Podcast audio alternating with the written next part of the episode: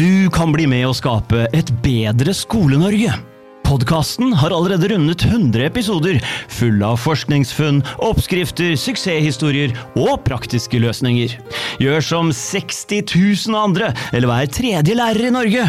Bli med på reisen mot å skape en bedre fremtid for barn og unge. Et bedre Skole-Norge.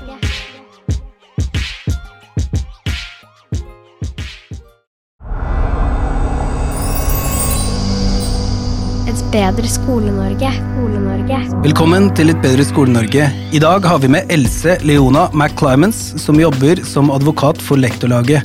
Vi skal snakke om vold og trusler, og hva lovverket sier, hvor grensene går, og mye mer. Bli med i en spennende episode der vi avklarer grenser og kaller en spade for en spade. Et bedre Skole-Norge. Skole-Norge. Velkommen hit, Else. Tusen takk. Du hopper jo litt etter eh, Bjørn Eriksen, fordi han var jo foreleser på BIs eh, masterprogram Juss for skoleledere. Og han er jo kjent for mange. Stemmer ikke det? Ja, han eh, er kjent for mange. Han har jo gjort en veldig god jobb på utdanningssektoren. Han har en, en fagbok som heter Rektors styringsrett, som jo er blitt en, en slags oppslagsverk for mange rektorer, og i tillegg så skrev han en bok om skolemiljøbestemmelsene rett før han eh, døde. Når det gjelder skolemiljøbestemmelser, at jeg da har eh, hoppet inn etter han på BIs masterprogram, hvor jeg da foreleser om, om skolemiljø. Men eh, en del av skolemiljø, det er jo også vold og trusler. Fordi det er jo Og det er det vi skal snakke om i dag. Så vi skal ikke snakke om 9A og skolemiljø, men vi skal snakke veldig spesielt om vold og trusler. Mm. Jeg må få med i podkasten at du også er advokat for Lektorlaget.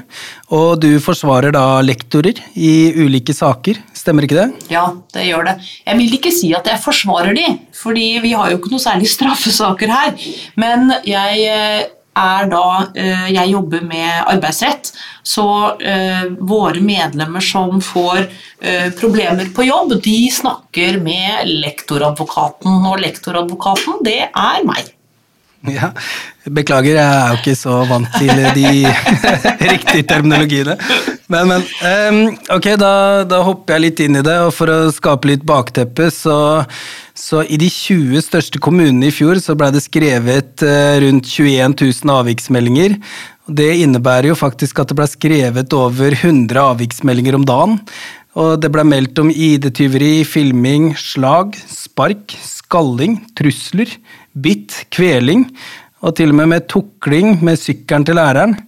Og det er jo selvfølgelig ikke greit. Og det er sånn at vi må jo snakke litt om det her, hva man kan gjøre og hva som man ikke kan gjøre. Jeg lurer på om det kan være greit at vi begynner rett og slett med straffeloven. For det er jo den som definerer veldig mye, og ikke Ofte tenker man jo at riktig sted å begynne er 9A, og det er vel da opplæringsloven, mm. men egentlig så er det riktigere å begynne i straffeloven. Er det riktig, eller Else? Ja, jeg syns det ofte uh, er det. Fordi straffeloven er jo den loven som faktisk forbyr vold og trusler. Og det er jo vold og trusler vi snakker om her. Altså når noen blir skallet eller lugget eller forsøkt kvalt eller sparket, så er det vold. Og forbudet mot vold det ligger i, i straffeloven. Og straffeloven gjelder jo faktisk fullt ut for både lærer og elev. Og det er jo ikke straffeloven man tenker på først hvis det er snakk om en syvåring som slår seg litt vrang og sparker og, og slår. Men hvis det er en 17-åring så tenker jeg da må man faktisk også tenke på straffeloven. fordi da er handlingene gått over fra å være noe kanskje litt mer uttrykk for trass og sinne, til å bli en handling som er straffbelagt. Og det kan mm. vi godt uh, ta litt inn over oss, syns jeg. Mm. Og det er 16 år som er akkurat skillet der, er det ikke det? Ja, den kriminelle lavalder er faktisk 15 år. Mm. Så det vil jo si at de aller fleste Eh, i videregående skole er faktisk over den kriminelle lavalder. Og det er jo på et vis, Når vi snakker om straffeloven, så er det jo på et vis et paradoks. Fordi eh, flest antall tilfeller vold eh, det forekommer i barneskolen. Men de mest skadelige tilfellene med vold forekommer jo i videregående. Og det handler jo selvfølgelig om eh, størrelsen på de barna som utøver det. fordi at eh, i videregående så er jo ikke barn barn lenger. De er, de er, jo, ofte, de er jo ofte fullt utvokst og, og, svært store, mange av de. Mm. Et greit punkt å snakke om da er vel det at det finnes jo ulike typer vold og trusler. altså Det kan være elever og elever, eller det kan være mellom eh, elev og lærer. Mm. Jeg tror ikke det er så mye mellom lærer og lærer. Men eh, mitt inntrykk, det man ofte snakker om, er vel da mellom elev og lærer, at eh, læreren rett og slett blir trua av elevene? Ja, og du kan si i mitt verdensbilde så er det jo elev-lærer-relasjonen som har fokus. Men faktisk så er det sånn at det langt største antallet er elever imellom. Altså ja. mye Alt det man tidligere tenkte på som liksom disse basketakene i skolegården som, som jevnlig forekom, det er faktisk vold. Sånn at jeg tenker at man bør faktisk se på, på begge deler. Både den elev-elev-relasjon og den elev-lærer-relasjon, fordi begge deler er like uakseptabelt. Når jeg tidligere har hørt de tallene med ca. 21 000 sånn avviksmeldinger, og sånn, så har jeg tenkt at det gjelder vold mot lærere. Men er det, det er kanskje totalt, da, inkludert elev-elev? Ja. Antallet mm. avviksmeldinger det handler også om eh, elever. Og det handler Mange av avviksmeldingene er jo også i eh, tilrettelagte klasser. Altså klasser med spesialundervisning. Eh, så det er nok de som får volumet en god del opp. Men allikevel, det er veldig Antallet er veldig mange. Samtidig så er hvis man ser på tall fra Elevundersøkelsen, som jo er et slags annet eh, parameter her, da, så har ikke Elevundersøkelsen noe tall på på vold, men de har tall på mobbing. Og da sier altså 1,5% av elever på syvende trinn sier at de er blitt mobbet av voksen, og 1,7% er blitt mobbet av uh, en voksen som går på videregående 1, mens på tiende trinn så er det litt høyere, det er 3 og Dette er jo da tallene fra elevundersøkelsen til Utdanningsdirektoratet i 2022. Den sier ikke noe om vold, men eh, det hadde jo for så vidt også vært interessant. Men eh, det gjør den ikke. Mm. Vet du noe om det her er en markant økning? For sånn jeg har skjønt det, så er det sånn at man har ikke hatt tall på de her avviksmeldingene sånn tidligere. sånn at uh, det kan jo hende at man bare plutselig har begynt å registrere det som skjer i avviksmeldinger og sånt. Eller er det sånn at, er det sånn at vold og trusler har økt Vet du noe om det? Eh, altså, det blir litt spekulasjon. Eh, jeg tror kanskje at vold og trusler har økt. Det er det de som er altså våre medlemmer, lektorene, sier. Det er at det har økt. Men jeg tror også at det er blitt langt større bevissthet om problemene. Det var en forsker på Oslo OsloMet som het Børge Skåland. Han gjorde et doktorgradsarbeid nettopp på vold mot lærere. Hvor han dybdeintervjuet en del lærere som var utsatt for vold. Eh, og han sa at et av hovedproblemene eh, som de møtte, var jo kollegaenes vantro i forhold til at de var blitt utsatt for vold. Altså Man nektet på et vis å anerkjenne at, at de var blitt utsatt for vold. Og i den grad de anerkjente det, så snudde de seg litt, og så pekte de fingeren, og så sa de 'ja, men hva gjorde du'? Ja.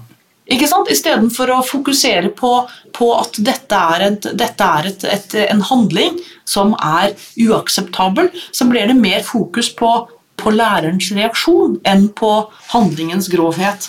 Sånn at Det mm. arbeidet tror jeg var viktig, og så tror jeg faktisk at den rettssaken til Clemens Sars var viktig. Mm. Altså Det at han, han, synliggjorde på et vis nettopp overfallsvolden i skolen. Altså at du som lærer er veldig utsatt for uh, vold uh, som du ikke har mulighet til å, til å verge deg mot. Sånn at jeg tror begge de to personene på litt ulikt vis bidro til å øke bevisstheten omkring i hvert fall omkring vold mot lærere. Og så tror jeg at innføringen av kapittel 9a i opplæringsloven har bidratt til å fokusere på vold mot elever.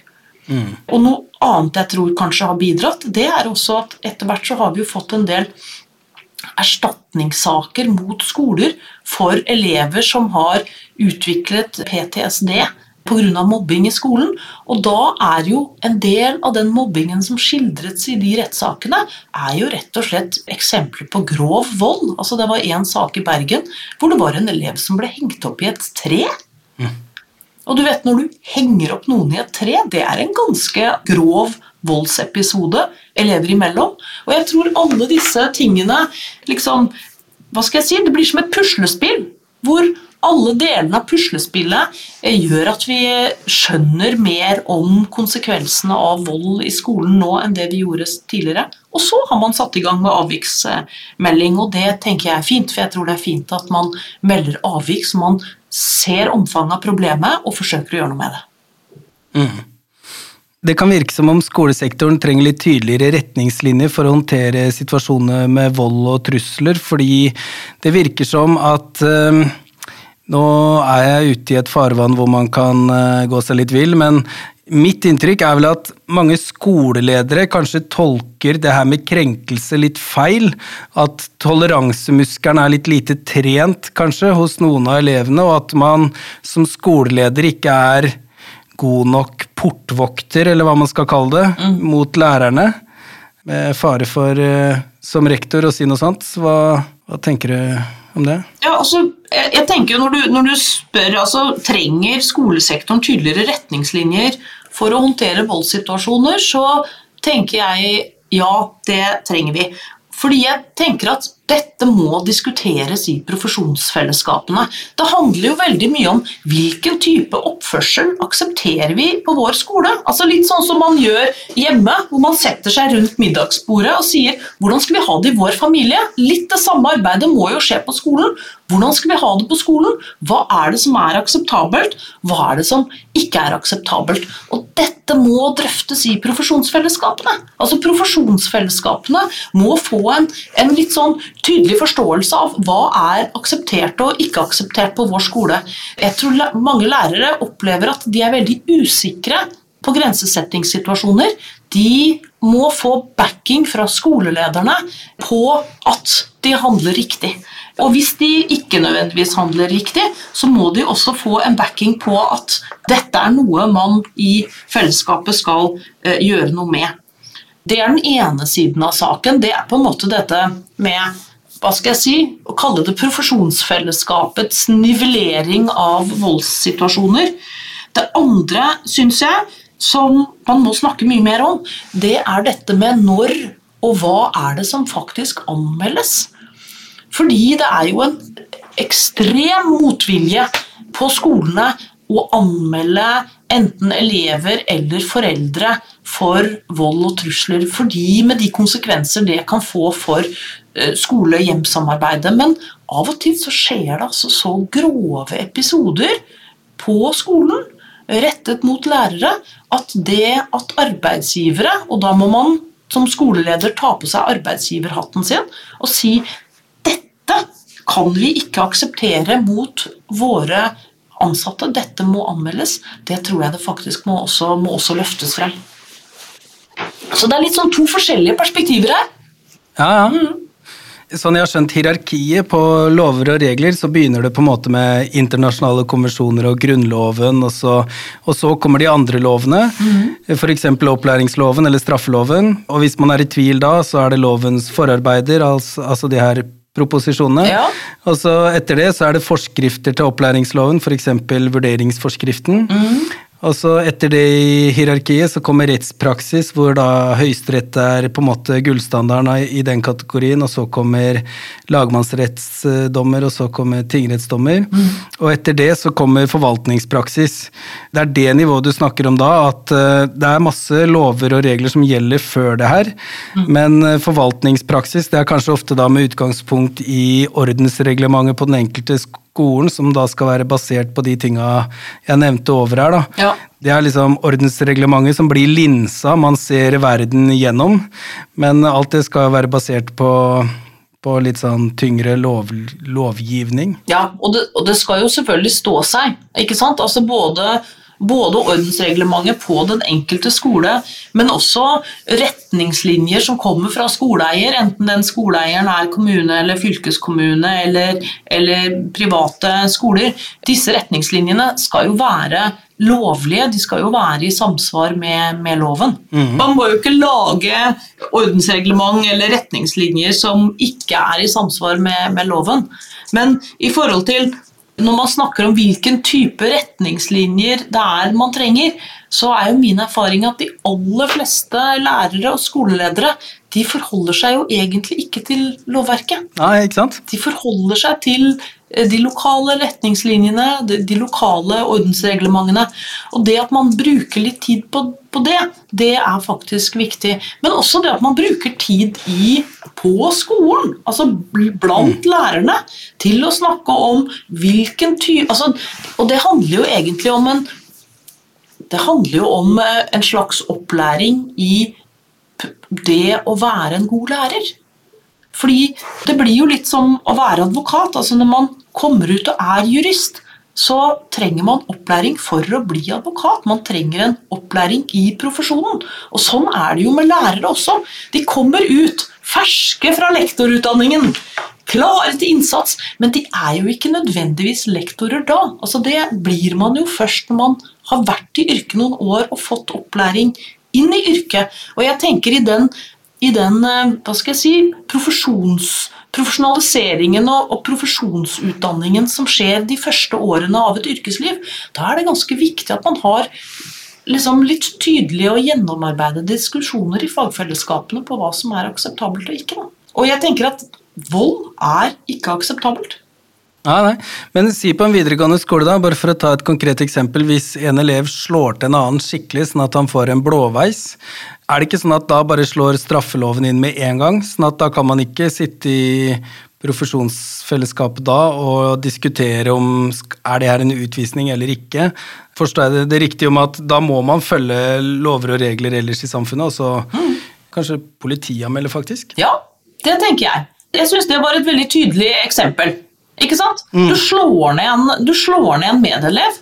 Ja, Det er faktisk grunnlag både for utvisning og politianmeldelse. Men så kan det jo hende at saken er helt annerledes. Ikke sant? Og Det er jo der dere som eh, lærere og skoleledere ofte kommer i. Dere har ikke nødvendigvis sett dette her. Nei. Dere bare får, får en historie 'Å, nå har Petter slått ned Nils'. Og så kommer dere til, og så ser dere på situasjonen, og så sier dere 'Ja, hva er det egentlig som har skjedd her?' 'Jo, Nils ligger der og blør neseblod'. Eh, ja, men det var ikke egentlig det at Petter slo han ned. Det var det at de begynte å knuffe, og så var det eh, Og så sto Amalie og så på, og begge de to er kjempeforelsket i Amalie, så de ville liksom kjekke seg litt for henne, så de begynte å knuffe litt på hverandre og slå litt sånn lekeslåss og være litt sånn kule. Og så plutselig så havnet hånda til, til Petter oppi nesen på Nils, og han begynte å blø neseblod. Og er det grunnlag for en anmeldelse? Ja, ikke sant? Ikke sant? Det er jo ikke det! Og- det er jo Nei. den typen situasjoner dere er i! Så man kan ikke gjøre dette helt sånn svart-hvitt. Ja, nei. Men bare for å ta det du er inne på der, fordi da slår altså Først er det liksom straffeloven som gjør at altså, Per slår til Nils, eller hva det var. og så, Det er straffeloven, men så kommer forvaltningsloven inn, som er at man skal saksbehandle riktig, og da er det det der kontradiksjonsprinsippet du snakka om der. at Ja. Da må man undersøke, og så, så da blir man litt som en etterforsker. Det er vel rektor eller skoleledelsen som skal ha den hatten, da, som snakker med Per, snakker med Nils, snakker med Amalie.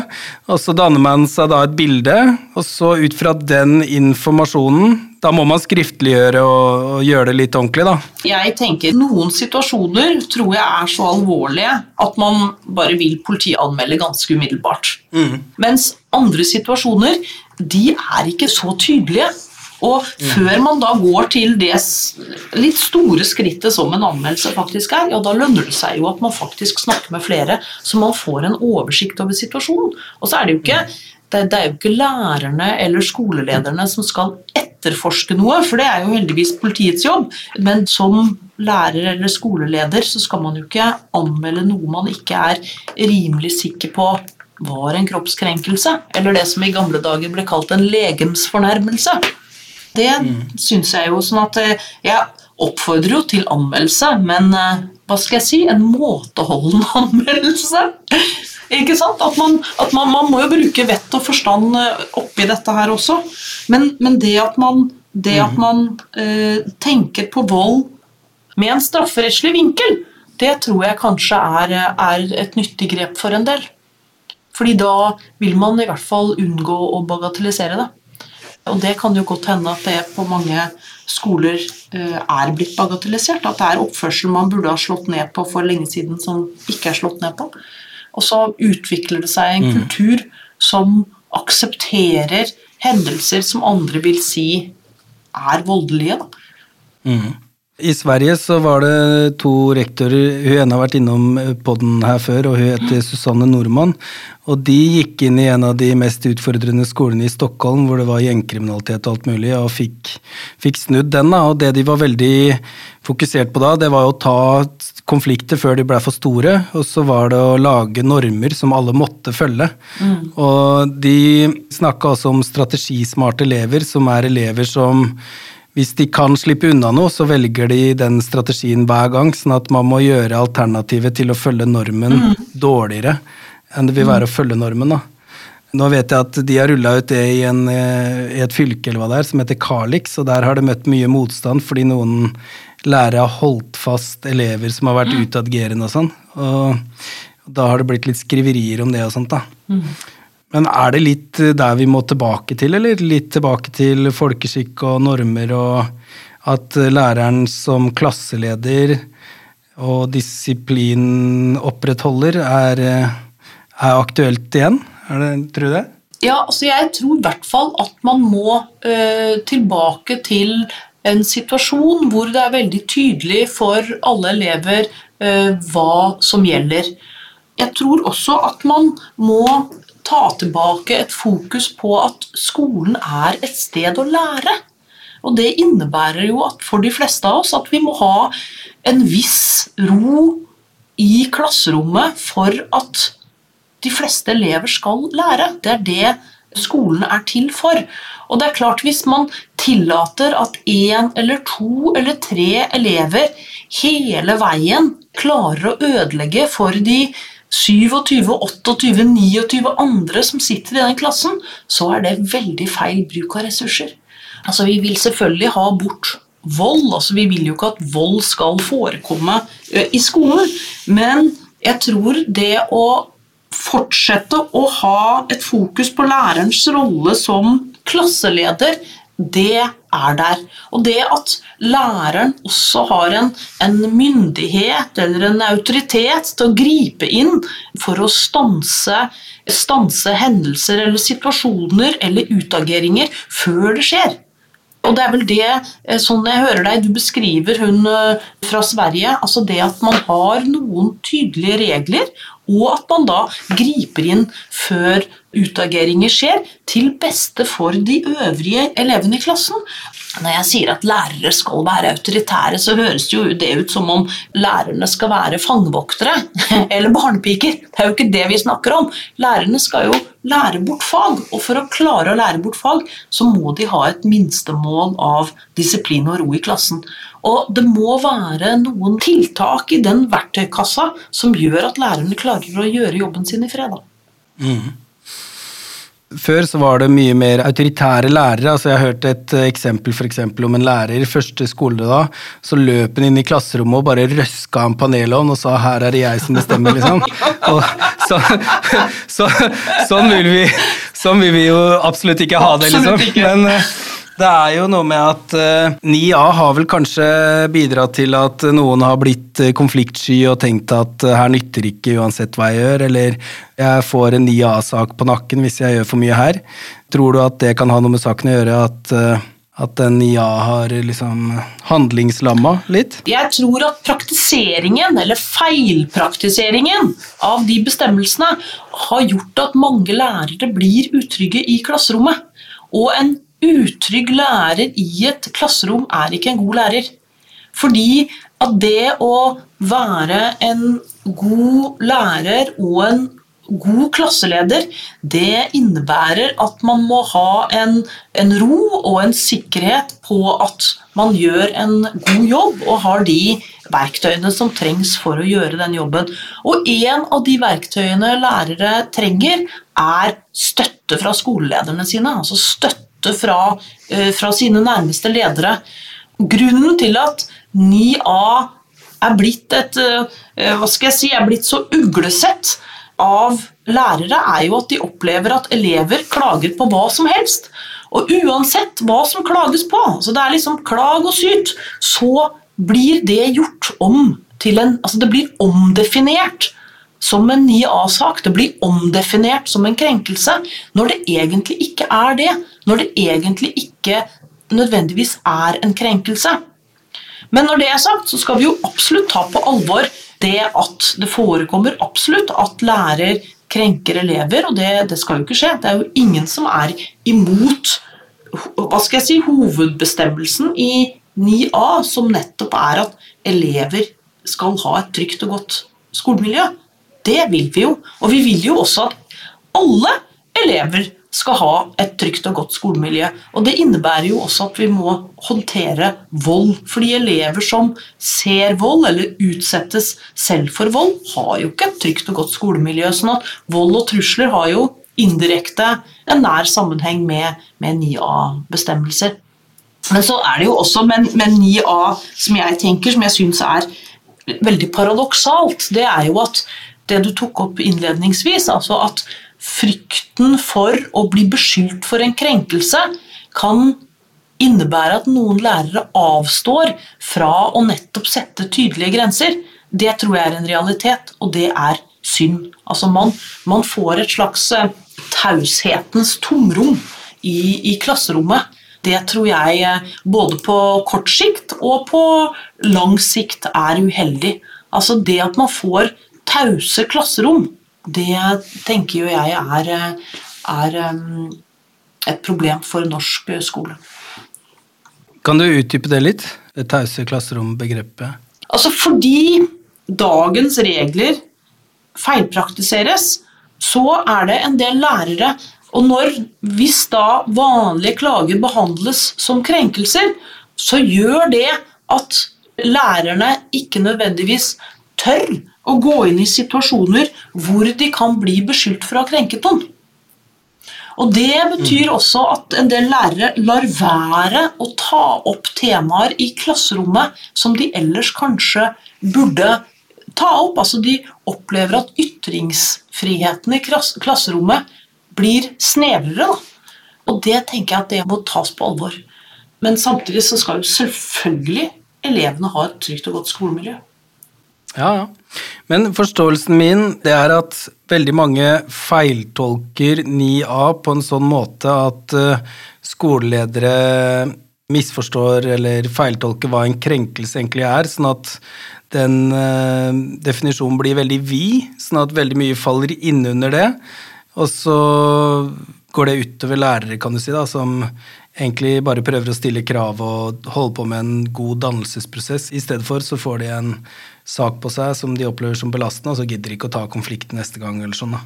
Ja, og, det, og den feilpraktiseringen tenker jeg, den ligger jo i dette skillet mellom en subjektiv og objektiv krenkelse. Fordi i loven så står det jo at det er eleven selv som skal definere om eleven har et trygt og godt skolemiljø eller ikke.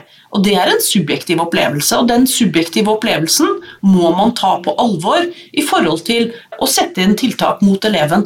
Men om en krenkelse har forekommet eller ikke, det er en objektiv vurdering.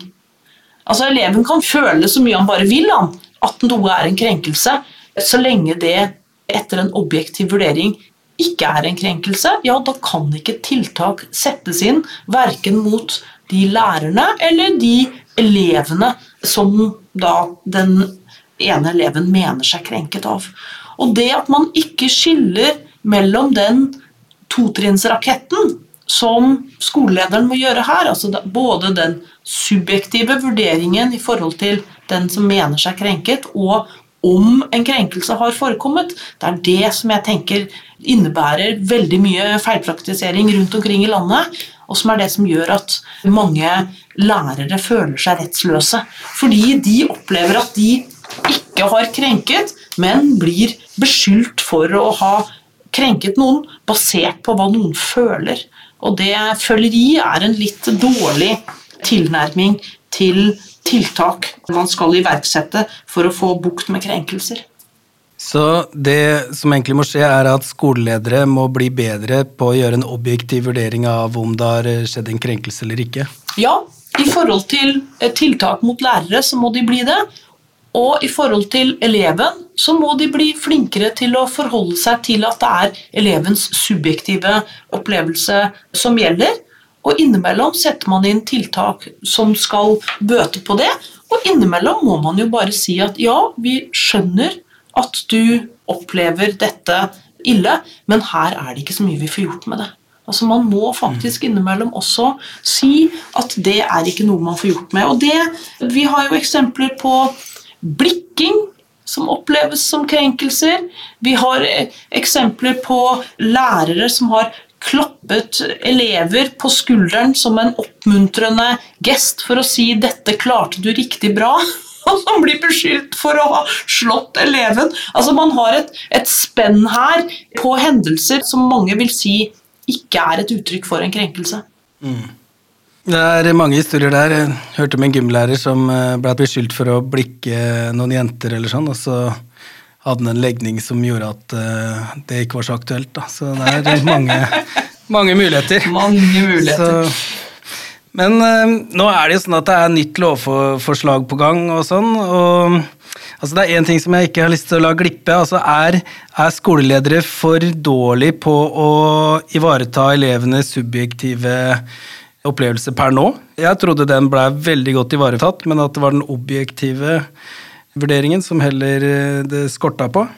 Ja, jeg tror det spørs hvem du snakker om. Altså, det er jo fortsatt historier om elever som opplever seg mobbet, hvor mobbingen ikke er opphørt.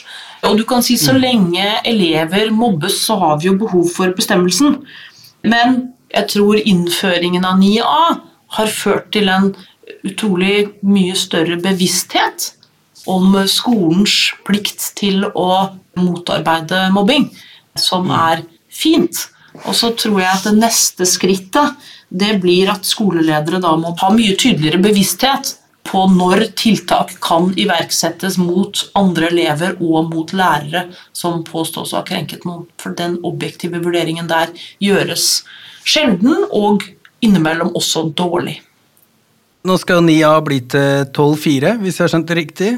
Er det bra eller dårlig?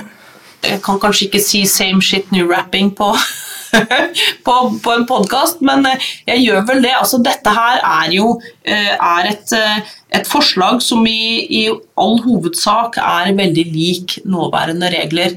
Og Hovedbegrunnelsen for at man ikke har gjort noe særlig endringer i regelverket nå, er jo nettopp at regelverket som sådan er ganske nytt, og man trenger litt tid på, på det for å se at det virker.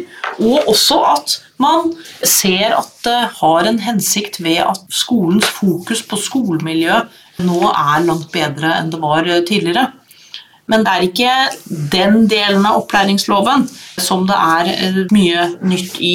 Men det som er litt nytt, er at regjeringen nå planlegger å innføre lovfestede regler for bruk av fysisk inngripen i skolen, det er nytt. Og der ligger det et forslag nå som, ennå, som fortsatt er ute på høring, som for så vidt er interessante. Hva tror du er riktig sted å begynne å rydde? Altså det, burde politikerne bestemme tydeligere retningslinjer for fysisk inngripen, eller er det skoleledere som må bli litt bedre på tolkninger, eller hvor er det best å begynne å rydde? Jeg tenker at uh, vi kan vel si ja til alt.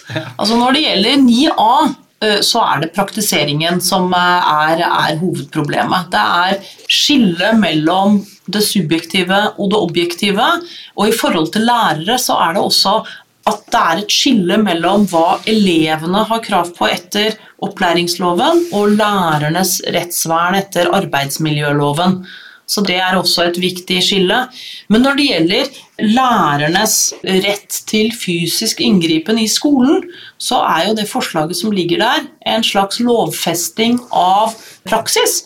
Og det tror jeg er nyttig, for jeg tror det er mange lærere der ute som er veldig usikre på hvor grensen går. Altså hvor langt kan de faktisk gå i å gripe inn overfor elever. Og det tror jeg er, er, nyttig å få på plass. Og så kan vi jo selvfølgelig kritisere reglene, at de er for uklare, eller vi kan si at nei, det er veldig dumt å ha denne typen regler, fordi det gjør at man byråkratiserer en praksis som egentlig er god i skolen. Men eh, totalt sett tror jeg det er eh, nyttig med, med sånne regler. Mm. Da takker jeg så mye for at du kom, Else. Og så prøver jeg bare å oppsummere kort. Og det man kan si da, er vel at, eh, at eh, det her med normer i skolen er viktig. Det er viktig med disiplin. Skolen er først og fremst en læringsarena. Og det har skjedd mye utafor skolen som kanskje har gjort at eh, det ikke er den samme folkeskikken vi møter som tidligere. Men fortsatt så må lærere stille krav til elever, og vi må også Skoleledere må se litt nærmere på både det her med subjektiv og objektiv, om det egentlig er krenkelser, og, og sammenhengen der. Og så får vi håpe at det nye lovforslaget, eller den nye opplæringsloven, blir tydeligere på de riktige punktene, sånn at det blir enda bedre for både elever, lærere, lektorer, rektorer, hele gjengen. Og det er jeg enig med deg, Øyvind. Mm. Når du begynte å snakke nå, syns jeg at du fikk meg til å høres litt ut som tante Sofie. Og det er nok riktig. Men det jeg tenker er det aller viktigste, det er at skolen skal være et godt sted å både være og lære. Og det er både for elever og lærere. Og Derfor er denne typen dialoger om hvordan vi vil ha det i skolen, veldig viktig. Mm. Tusen takk for at du kom, Else. Takk for at jeg fikk komme. Ha det godt. Ha det godt. Et bedre Skole-Norge. Skole-Norge.